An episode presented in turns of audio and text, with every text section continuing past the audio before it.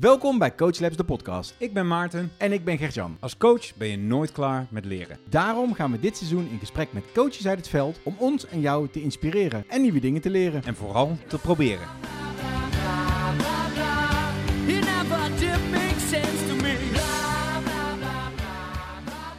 Nou, welkom bij een nieuwe aflevering van Coach Labs, de podcast. En eh, ja, we zitten hier weer met een aantal mensen. Welkom Maarten. Yes, welkom Gert-Jan. Leuk hier weer te zijn, zoals gewoonlijk. Ja, en, ja, het zoals gewoonlijk inderdaad. En eh, we zitten nog wel steeds op afstand. eh, maar we zitten niet op afstand alleen, want we hebben weer een gast. Welkom Liliane. Ja, leuk, leuk om hier te zijn. En eh, mijn naam is eh, Lilian. Hij wordt vaak verkeerd uitgesproken, dus ik denk laat ik hem maar meteen inkoppen. Maar ehm, ja, leuk om eh, de uitnodiging gehad te hebben om aan deze podcast mee te werken.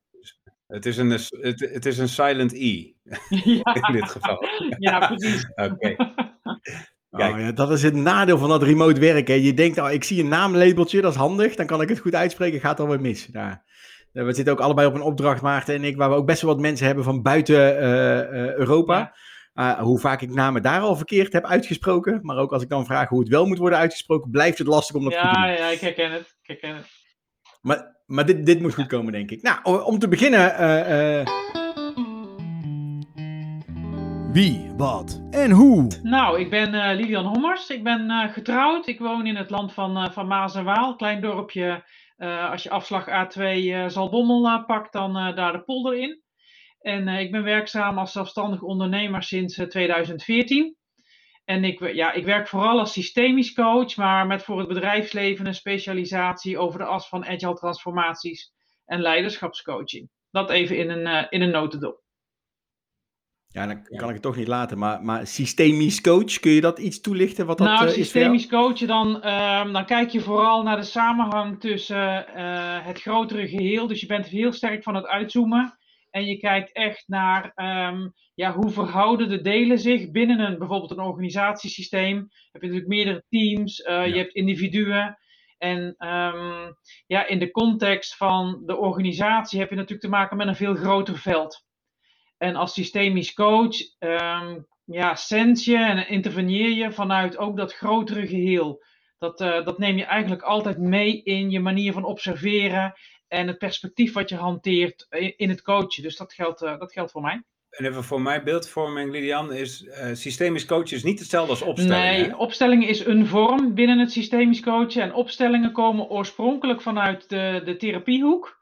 Ehm, Ja. En dan heb je vooral familieopstellingen, denk ik, eh, wat je bedoelt. Eh, aan de andere kant, als systemisch coach werkend in organisaties, kun je ook opstellingen inzetten over de as van organisatievraagstukken.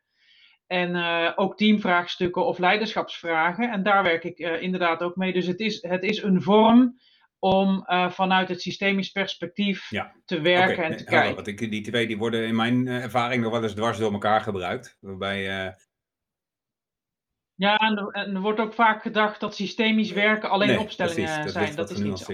Ja. Nee. Hey, en, en hoe ben je nou gekomen waar je, waar je nu bent? Want je geeft aan sinds 2014 eh, eh, zelfstandig ondernemer. Ehm, eh, maar Ja. hoe, hoe ben je in het land van coaching terechtgekomen? Nou, dat is ehm, eigenlijk wel een bijzondere route. Ehm, eigenlijk over de as van privé en werk eh, zijn er twee werelden bij elkaar gekomen. Ik heb ehm, eh, heel lang voor een eh, internationale ICT-dienstverlener gewerkt, 15 jaar ongeveer.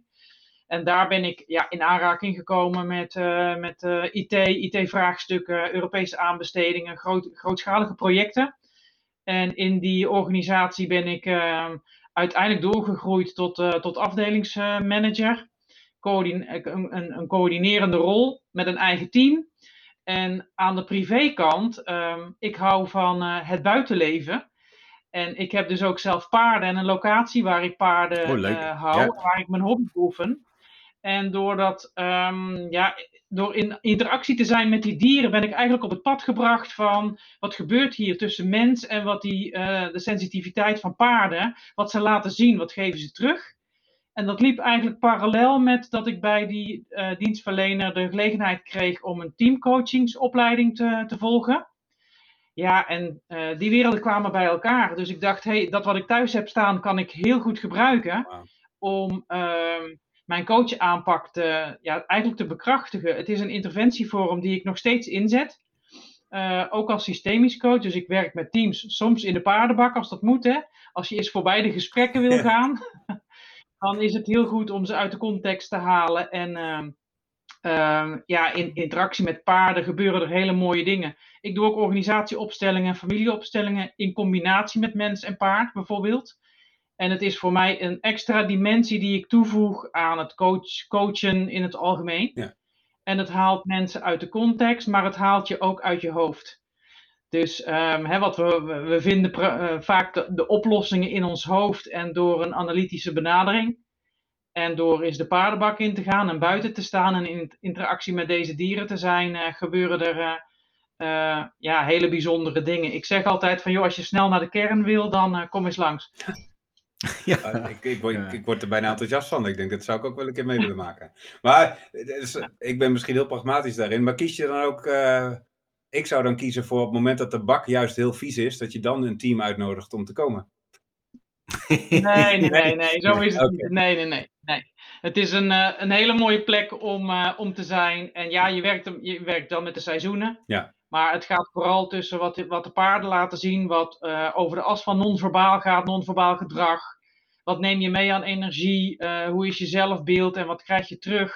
Als je in interactie met die dieren aan de slag gaat? Dat is, dat is echt verbazingwekkend. Ja, inter- heel interessant. Nou, En, en het is slechts een, een interventievorm in het palet wat ik hanteer. Want ik kan helaas de paarden niet meenemen naar kantoor. Maar ehm, ja, af en toe dan merk je dat er iets anders nodig is dan eh, weer dezelfde dialoog met elkaar hebben.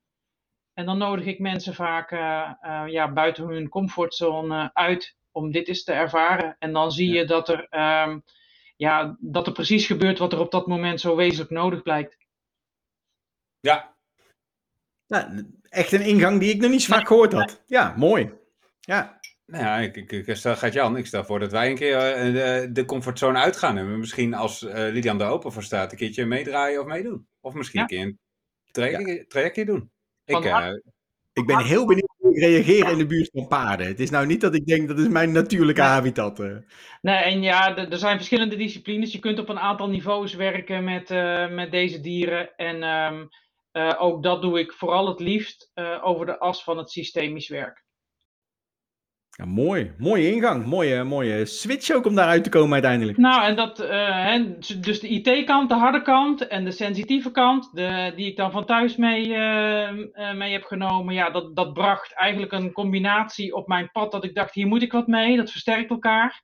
En ehm, ja, tot op heden is dat zo gebleken. Dus ik, ik vertegenwoordig wel een bepaald profiel. Ik merk ook in, in de blauwe wereld, hè, en eh, zeker ook in de agile wereld, en als je je binnen eh, organisaties begeeft, dan ja, wordt vaak dat, dat, dat eh, element aan de menskant, noem het de zachte kant, ehm, buiten beschouwing gelaten. En ik denk dat daar juist ehm, ja, heel veel te halen is, heel veel te vinden is voor mensen en ook voor organisaties en teams. oh, agile, agile is meer dan alleen een Scrum implementatie of safe. Zeker, Oh, zeker, zeker. Sorry, Sorry, hoor. een inkom van Maarten. een beetje sarcasme aan deze kant. Ja. Ja, ja, ja. ja. Hey, voordat we in, eh, in het onderwerp gaan duiken waar jij eh, over na hebt gedacht, eh, Ja. Lilian. Tip van de week. ehm, hebben we een klein rondje, kort rondje inspiratie. Maarten, heb jij misschien wat inspiratie deze week of iets wat je bezig heeft gehouden? Ehm, nou, deze week, ik, eh, ik ben sinds kort, ik heb mijn abonnement op de sportschool opgezegd. Ehm, eh, omdat er, ja, in deze tijd ga je er bijna niet heen. Ik heb het ingeruild voor eh, zelf drie keer in de week hardlopen en ehm, eh, wat, wat eh, touwtjes springen en zo thuis. Maar wat ik gedaan heb, is dat ik mijn abonnement van mijn sportschool heb omgezet naar een abonnement op Storytel. En ik tijdens mijn hardloopsessies van ongeveer een uur per keer, eh, dus drie uur per week boeken lees, tussen haakjes.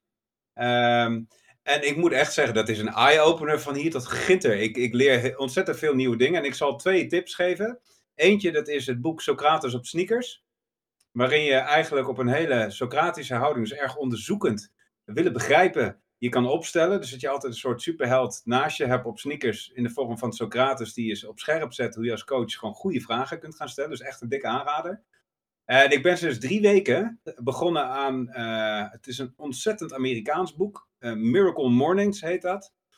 Eh, wat er eigenlijk op neerkomt, zonder al die eh, excuses voor mijn woordkeuze, maar Amerikaanse bullshit. tijd voor jezelf nemen. Echt tijd spanderen aan 100% aan jezelf, voor jezelf, doelen stellen, meditatie, stukje yoga, sport. Dus de afgelopen drie, vier weken sta ik om vijf uur 's ochtends op. Dan ben ik de eerste anderhalf tot twee uur per dag 100% bezig met aan mezelf werken. Ik heb nog nooit zoveel dingen afgekregen. Ik heb nog nooit zoveel focus gehad. Ik heb nog nooit zoveel resultaten gehaald. Dus eh, nou ja, het, het eh, motiveert mij ontzettend om nog harder te gaan in persoonlijke ontwikkeling. Dus eh, Socrates op sneakers en Miracle Morning. Maar dan moet je wel even door de Amerikaanse succes is een keuze toon heen luisteren. Ja, als je door die, door die toon heen wil bijten, zou je het Nederlandse Dear Good Morning kunnen dit- lezen. Dat is een Nederlands boek wat hetzelfde, hetzelfde principe hanteert. Eh, maar dat is helemaal op de Nederlandse, wat, wat praktischere eh, school. En Lilian, heb jij nog een eh, eh, eh, inspiratietip of iets eh, wat je zou willen delen? Nou, dat is op zich wel mooi, want ik kreeg natuurlijk een beetje de vraag mee eh, als het gaat om eh, mijn, eh, hè, eh, wat is mijn favoriete boek bijvoorbeeld. En ik hoor Maarten net noemen Socrates op, eh, op sneakers, dus die, eh, die stond ook in mijn eh, top 2, zeg Ah. maar. Ehm, en ja, dat, dat appelleert ook wel een beetje aan mijn systemische achtergrond. Dat gaat ook over de kwaliteit van de vraag achter de vraag stellen. En ehm, een, echt een aanrader eh, ook voor, eh, voor mensen in organisaties. Eh, ik vind het een. ja, ik, ik haal daar veel inspiratie uit. Hoeveel mensen heb je hem al getipt? Ik heb hem aan, ja, aan heel veel mensen, aan collega's gegeven, maar hij is natuurlijk nog niet zo heel lang op de, op de markt. En ik heb, ik heb nog een ander boek, wat nog net even een positie hoger scoort als het gaat in mijn top 2. Oeh, En dat is het boek van eh, eh, De Tekens Verstaan. Dat is van Mjorten Hort. En dat is uitgegeven vanuit eh Phoenix. Dat is een instituut wat zich ook toelegt op systemisch werk. En ja, dat is een boek wat ik iedere leidinggevende zou, zou aanraden. Het gaat over verbindend leiderschap. En ook vooral hoe neem je jezelf mee eh, in je kwaliteit van aanwezigheid, in de kwaliteit van in verbinding zijn met je medewerkers, mensen vanuit ook wat je allemaal zelf meeneemt als mens de organisatie in. En ehm, nou, iedere bladzij eh, in dat boek is echt een cadeautje. En als je het hebt over ehm, persoonlijke ontwikkeling, dan eh, kun je met iedere bladzijde behoorlijk vooruit, moet ik zeggen. wil je nog één keer de titel herhalen? Want ik, ik ga hem opschrijven. Ik ga kijken of ik hem kan. De, teken, de tekens verstaan. En hij is geschreven onder andere door Mjorten Hort. Het zijn een aantal eh, auteurs. Het is een, eh, een collectief, maar Mjorten Hort staat eh, ook aangegeven daartussen. Ah, leuk, deze is echt voor mij helemaal nieuw. Dus ik heb hem ook opgeschreven om eens op te gaan pakken. Ja, ik beveel hem in, in veel organisaties aan op strategisch dek. En ik moet zeggen dat ja, dat is een cadeautje voor leidinggevenden die ook op een andere manier durven kijken naar de context, maar ook naar zichzelf. Ja, en ik, ik denk dat leiderschap daar vaak ook wel op neerkomt. Hè? Dat het eigenlijk neerkomt op een stukje persoonlijk leiderschap en vanuit daar gaan handelen. Ja. Mooi. Ik, eh, ik hoop dat die ertussen staat. Want ik merk dat ik eh, boeken luister. Ik verslind ze nou één of twee per week. Eh, boeken lezen. eh, Ja, ik kan me er moeilijk toe zetten. Ah, ik, weet, ik weet niet of dat die als luisterboek eh, beschikbaar is, Maarten, maar dan eh, misschien als alternatief de taal van transitie. Dat is ook een boeiende. Die is er wel als e-book Kijk. Kijk. En als luisterboek. Ja, ik had voor deze week een, eh, een, eh, eh, een, een, een oudje eigenlijk van de, van de plank gepakt. En niet zozeer een boek of een eh, methode, maar ik merk het, het, het remote werken, de druk op de meetings die je continu hebt, zorgt er bij mij voor dat de structuur eh, kwijt is. Mhm. Dus eh, eh, ik ben deze week eigenlijk eh, de tweede helft van de week weer aan de slag gegaan met Pomodoro's. Oh, Jullie waarschijnlijk wel bekend. Ik deed dat altijd, was leuk, dat was handig. En ik merkte nu dat het ging werken. En, en ehm, wat ik wel, wel leuk vond toen ik weer even dacht, even mezelf opfrissen, hoe werkt het ook weer precies, is wat doe je nou? Want een Pomodoro is een periode van 25 minuten waarin je een taak oppakt. En het liefst dan ook nog geclusterd doe je dat vier keer. Dus na Ja. iedere Pomodoro een kleine pauze en na vier keer een langere pauze. En dan echt gefocust om dingen te doen. Dus zorgen dat je niet afgeleid wordt in die 25 minuten, maar iets afkrijgen, iets, iets, iets afmaken. En eh, nou, er- viel bij mij een hoop af te maken. Dus nou, tijd voor Pomodoro is genoeg. Ehm, maar wat ik wel mooi vond is, eh, wat doe je met op het moment dat je gestoord wordt? Dus wat doe je als je merkt, hé, hey, mijn aandacht is weg. Ik kijk op mijn telefoon, ik pak dat boek erbij wat ernaast ligt. Wat ga je dan doen, zeg maar? Eh, eh, en zo'n Pomodoro, op het moment dat je dan die kookwekker ziet staan, ik had daadwerkelijk echt de kookwekker gepakt, dan trekt dat je weer terug. Oh nee, nog 10 minuten. Gaat, me lukken. Ga ik oppakken. Ga, ga ik door. En op het moment dat er dan de, de WhatsAppjes of de, de, de, Teams-zaken binnenkomen, als je die niet hebt uitgezet, want de focus is natuurlijk die uitzetten, of als er iemand belt of als de deurbel gaat, om dan echt gewoon te zeggen: Ja, ga ik doen, maar ik ben over een kwartier bij je. Ik ga nu niet met je mee, ik ga het niet oppakken. En dat heeft voor mij wel gezorgd dat de, de structuur weer een klein beetje is teruggekomen deze week. Ik, eh, dus, ik eh, ga als ontzettende ADHD'er ga ik dat gewoon eens proberen. Om zo'n fysieke klok. eh, Want ik, eh, nou, de- er hoeft maar een vogel voorbij te vliegen. Of ik ben alweer met hele andere dingen bezig. Ik ga hem. eh, dankjewel, GJ. Ik ga het proberen. Leuk. Ja, dus eh, de, de, de- dat was voor mij niet echt een nieuwe, maar op dit, dit moment eh, past die voor mij erg goed eh, Kijk. om dat te doen. Wat heb je voor ons bij? Nou, ik wil wel een bruggetje slaan eh, richting het, eh, eh, het agile werken. En ehm, ik wilde het wel eens hebben over agile voorbij de hype. Oeh, Dat leek me wel een interessante. ja, er zijn wel veel plekken al waar ik kom, waar agile eigenlijk inderdaad wel een beetje een vies woord aan het worden is. Mhm. Dus nou, ik ben wel benieuwd. Wat, wat, wat, wat, wat zie jij als agile na de hype? Nou, wat ik eh, niet, niet na de hype, ja, agile voorbij de hype. Het is, het is breder dan, eh, ehm, dan wat de meeste mensen denken. En wat, wat ik merk is, als organisaties voor agile kiezen, eh, wat drijft ze dan en welke oplossing moet agile eigenlijk bieden? En op het moment dat ik in gesprek raak met potentiële opdrachtgevers of opdrachtgevers hierover, van wat moet er dan beter dan nu? Als we voor agile kiezen hè, en alles wat daarbij komt aan investeringen, uitrol, implementeren, noem het op. Het, het vraagt nogal wat in brede zin, maar wat moet er dan beter gaan dan nu? En ik merk dat dan eh, het oorverdovend stil wordt aan de andere kant. Ik heb dat al een aantal keren, eh, ja, deze vraag neem ik standaard mee. En ik vind dat wel heel bijzonder. Ja, ehm, eh, nou, eh, s- spring erin als, ik de verkeerde kant op ga. Maar ik merk eigenlijk bij ons en Maarten twee standaard antwoorden die eruit komen. Dat is, eh, ja, nou, we moeten gewoon eh, eh, eh, meer gaan opleveren. En eh, liefst als het kan, goedkoper. Mhm. Ja, voor mij zijn de, Dus eh, kan dat? de termen die ik veel voorbij hoor komen. Is inderdaad better, faster, happier, cheaper. Eh, of, Ja. of. Ja, om ons heen gebeurt het heel veel. Dus wij kunnen eigenlijk ook niet achterblijven. Ja. Die hoor je ook nog wel. D- dit, zijn, ja, dit zijn een beetje de inkoppers, zeg maar. Ja. Ik merk ook wel dat er heel vaak ehm, ja, dat de randvoorwaarden inrichten, dat dat nog vele malen belangrijker is dan eh, het agile werken aan zich. Ja. En dat dat vaak als stap wordt open, overgeslagen. Dus hè, het antwoord van waarom willen we dit en wat moet er dan eh, concreet beter worden als we dit succesvol geïmplementeerd zouden hebben? Wat, wat merken we dan en waar en wie? Ehm, en dat die randvoorwaarden inrichten eigenlijk wordt vergeten of er misschien wel bewust aan voorbij wordt gegaan af en toe. Maar ook dat als, als organisaties of leiders ervoor kiezen, of directie of management, ehm, kiezen ze dan ook voor de consequenties van die keuze, wat die keuze meebrengt. En dan denk ik, hmm, dat kan anders, dat kan doordachter, dat kan beter. Ja. En je leest natuurlijk ontzettend veel, hè, wat Gert-Jan ook zegt, van joh, agile begint een beetje een vies woord te worden hier en daar. Nou, dat, dat komt denk ik ook omdat het eh, op heel veel plekken eh, niet slaagt, mislukt, heel veel geld kost, heel veel inspanning vraagt. En ehm, ja, er worden eh, in, in de praktijk die ik tegenkom, worden die essentiële stappen nogal vaak overgeslagen. Je had het net over randvoorwaarden. Wat voor randvoorwaarden zijn dan de eerste waar je aan denkt? Nou, wat ik zeg, op het moment dat er wordt gekozen voor een agile implementatie, ehm, wat, eh, wat is de pijn, wat is de ambitie waar agile het antwoord op gaat zijn? Dus de pijn en de ambitie van de organisatie. En als daar dan voor wordt gekozen door eh, het, eh, hè, de hogere lagen, realiseren zich dan ook wat de consequenties van die keuzes zijn. Niet voor de teams en niet voor de werkvloer, maar vooral ook voor henzelf. En het gaat natuurlijk ook om, een, ehm, ja, om gedragsverandering. In de basis gaat het om gedragsverandering.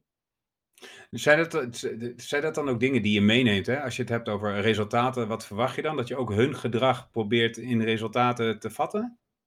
En heb je daar misschien voorbeelden van? Ja, eh, hun gedrag in resultaten te vatten, ehm, dan, ja, je- dan ga je het toch meer hebben over wat vraagt het van jou in je kwaliteit als manager of afdelingshoofd of eh, directielid. En dan, eh, dan wordt daar vaak van wegbewogen. En ik Ja. denk dat het instappen van management, ik noem het dan maar even in zijn totaliteit management, dat dat een cruciale is om het succes van een agile implementatie dichterbij te brengen. Maar ook om ehm, ehm, als je geen draagvlak hebt voor zo'n transformatie, en dan is agile niet echt eh, iets unieks ten opzichte van andere implementaties of verandertrajecten. Maar als het draagvlak er niet is, gaat het nooit vliegen. En dat draagvlak, dat vraagt dus iets van de leidinggevende in deze. En eh, hè, ben je benaderbaar, ben je bereikbaar, ben je betrokken, eh, verbind je je met dat doel, Eh, wat is de kwaliteit van je communicatie? Eh, Agile principe 1 is natuurlijk de, de persoonlijke interactie ehm, enorm stimuleren. Ja, hoe kan, hoe kan Ja. dat als jij als, eh, als leidinggevende of manager of directielid ehm, ja, niet benaderbaar, niet zichtbaar bent, niet vindbaar bent, je ook niet beschikbaar maakt?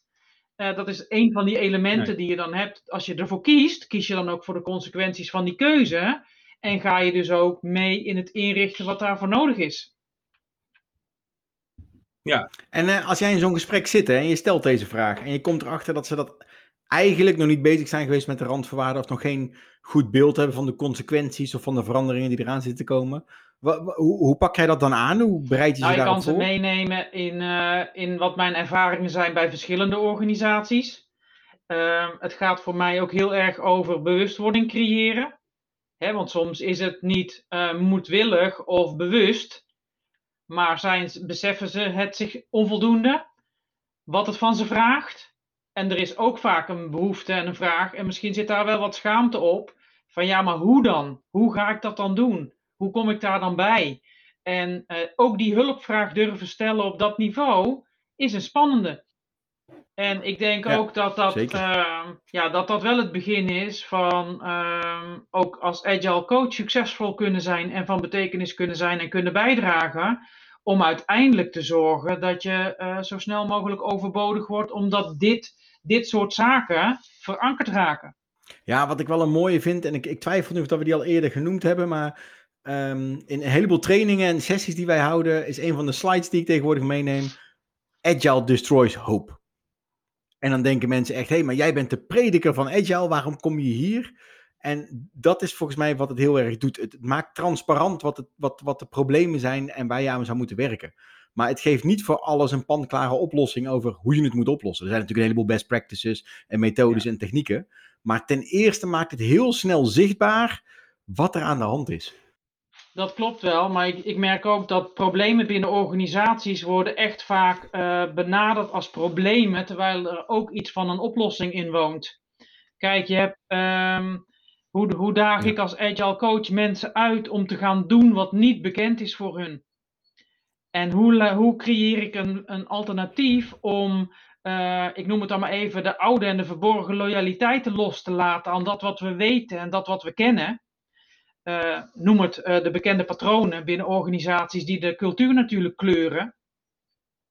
En hoe kun je mensen eh, dat aanreiken, dat ze, los, dat ze los durven laten wat, ehm, wat wel bekend is.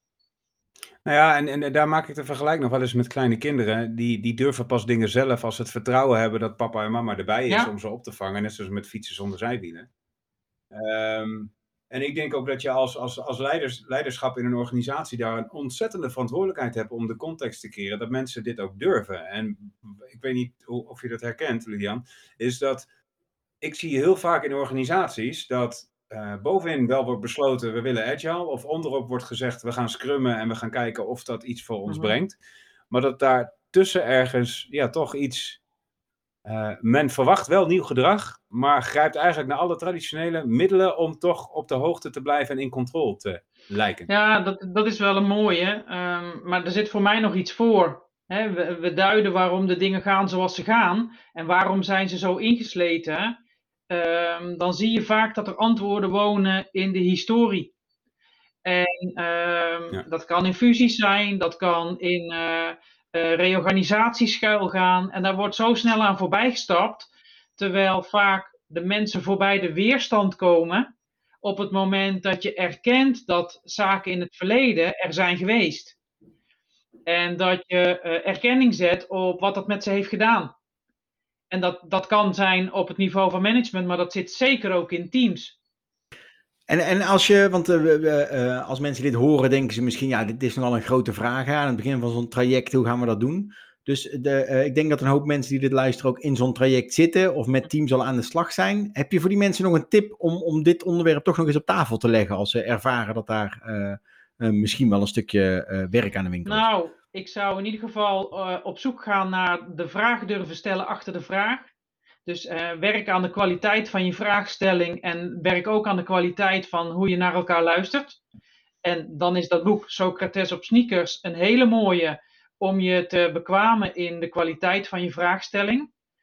En ook de vraag achter de vraag durven stellen vraagt ook lef en moed. En ik merk ehm, dat, dat dat binnen organisaties best wel spannend wordt gevonden. En dat sommige eh, externen, eh, of die ingehuurd zijn, dat ook spannend vinden. En ik denk dat, ehm, dat het mooi is als je de vraag achter de vraag durft te stellen, juist daar waar het spannend wordt. En dan kijken of je ehm, el- elkaar kunt vinden. En er dan openingen ontstaan om het wezenlijke gesprek te voeren over die verandering. Wat beogen we daarmee? Wat is dan succes? Eh, waarom komen we daar nu, nu niet bij doordat we doen wat we altijd deden? En dat is, dat, ja, dat is heel spannend. En al- als ik dat nou heel spannend zou vinden, hè, heb, heb je een tip eh, voor mensen die zeggen, nou, ik, ik voel eh, onder water toch best wel dat er meer achter zit. Ik wil die vraag eigenlijk wel stellen, maar ik vind het spannend. Wat, eh, wat, wat, wat kun je inzetten nou als coach, bijvoorbeeld, om toch die vraag te durven stellen? Ik denk, eh, de ba- het basisprincipe is oprecht geïnteresseerd zijn in de ander. En ehm, dat is ook een beetje, eh, als het gaat om mijn motto of een, of een quote, dat je als coach ehm, niet verder gaat dan daar waar je zelf bent. In je interventies en in je, in, je, in je coaching. Daar waar je zelf niet bent geweest, wordt dat al snel een kunstje. En dan zie je dat mensen daar sensoren voor hebben. En op het moment dat je jezelf maximaal kan meenemen in dat wat je ook van je omgeving vraagt, en dat geldt voor coaches, maar dat geldt ook voor leiders, dan zie je dat daar, ehm, ehm, dat daar een, een, verbind, een kwaliteit van verbinding ontstaat die dit gesprek mogelijk maakt. En dat mensen durven komen met ook eh, moeilijke, spannende onderwerpen. Of wat het met ze doet, of dat ze het niet weten, of dat ze de hulpvragen aan elkaar durven stellen. Ja, mooi. Ja, ik, ik hoorde hem stiekem al voorbij komen. Hè? We, we waren al richting het tegeltje. Ja, nou dat was hem. Een tegeltjeswijsheid. Ik heb geprobeerd mee te schrijven, maar eh, ehm, ja, eigenlijk aan, je, aan jou de vraag. Probeer hem nog in die ene zin even samen te vatten. Wat zou er op dat tegeltje moeten staan? Ja, coach niet eh, voorbij daar waar je zelf bent. En dan praat ik even vanuit coach, maar dat je kan voor het woord coachen ook eh, leiding, eh, als leidinggevende dat invullen. Hè, breng mensen niet voorbij daar waar je zelf bent. En eh, ik denk dat dat ehm, ja, gewoon een hele belangrijke is. Eh, op het moment dat, dat, dat je dat niet doet, dan eh, wordt het al snel tot het doen van een kunstje. En er zijn kunstjes genoeg, zeker in het agile speelveld. Hè, we Ach, pakken de ja, theorie zeker. erbij en, en we denken dat we het beheersen. Dat is wat anders dan daar waar je zelf bent geweest.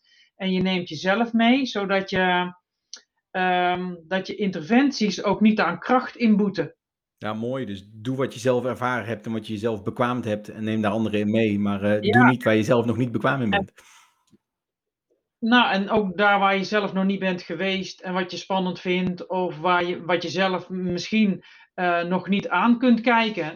Je, je neemt ook je hele persoonlijke eh, eh, eh, toolkit, maar ook je historie neem je mee naar binnen, ook als coach, ook als leidinggevende. Dus er komt meer mee met jou dan alleen ehm, de, ja, de kennis. Ja. Dat zeker. Het gaat ook over de ervaringen die je hebt opgedaan. En daar voorbij eh, coachen of leiding geven wordt vaak een kunstje. Ja, en ik denk dat is, dat is ook wel een van de dingen die we natuurlijk met Coach Labs proberen te doen. Om mensen die hun eigen grens een klein stukje verder willen leggen, een speelveld te hebben om eens te oefenen. Want inderdaad, ik ben het met Ja, je eens. In een professionele omgeving waar je je, je diensten aanbiedt, moet je eigenlijk niet aan het oefenen zijn. Maar eigenlijk moet je dan die, die ervaring al mee naar binnen nemen. Dus eh, eh, ik denk dat het goed is als er Nou, een en- paar veldjes zijn waar je als coach kan leren trappen. Zeker. Ja, ik denk ook wel dat, dat de kracht van eh, onder andere agile implementeren is eh, niet steeds over de theorie blijven dimdammen, maar ga het ook gewoon doen. En dan zit je wel in het experimenteren. En dat je ook mag, eh, mag struikelen. Ga dan struikelend voorwaarts. Maar ga het doen en blijf er niet over praten.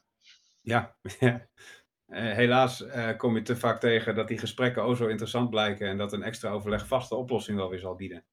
Maar ik, ik ben het helemaal met je eens.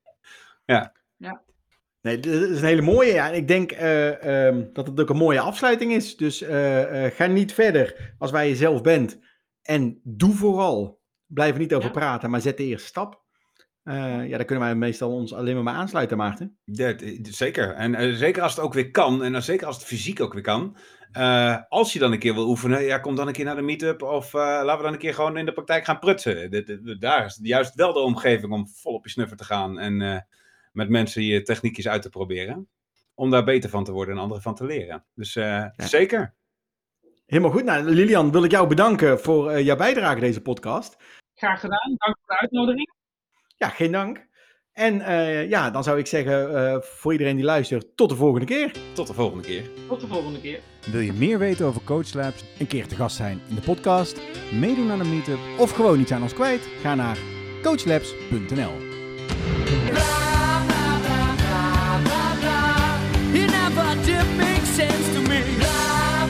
Deze podcast wordt mede mogelijk gemaakt door Humanity Nederland. The best place to grow.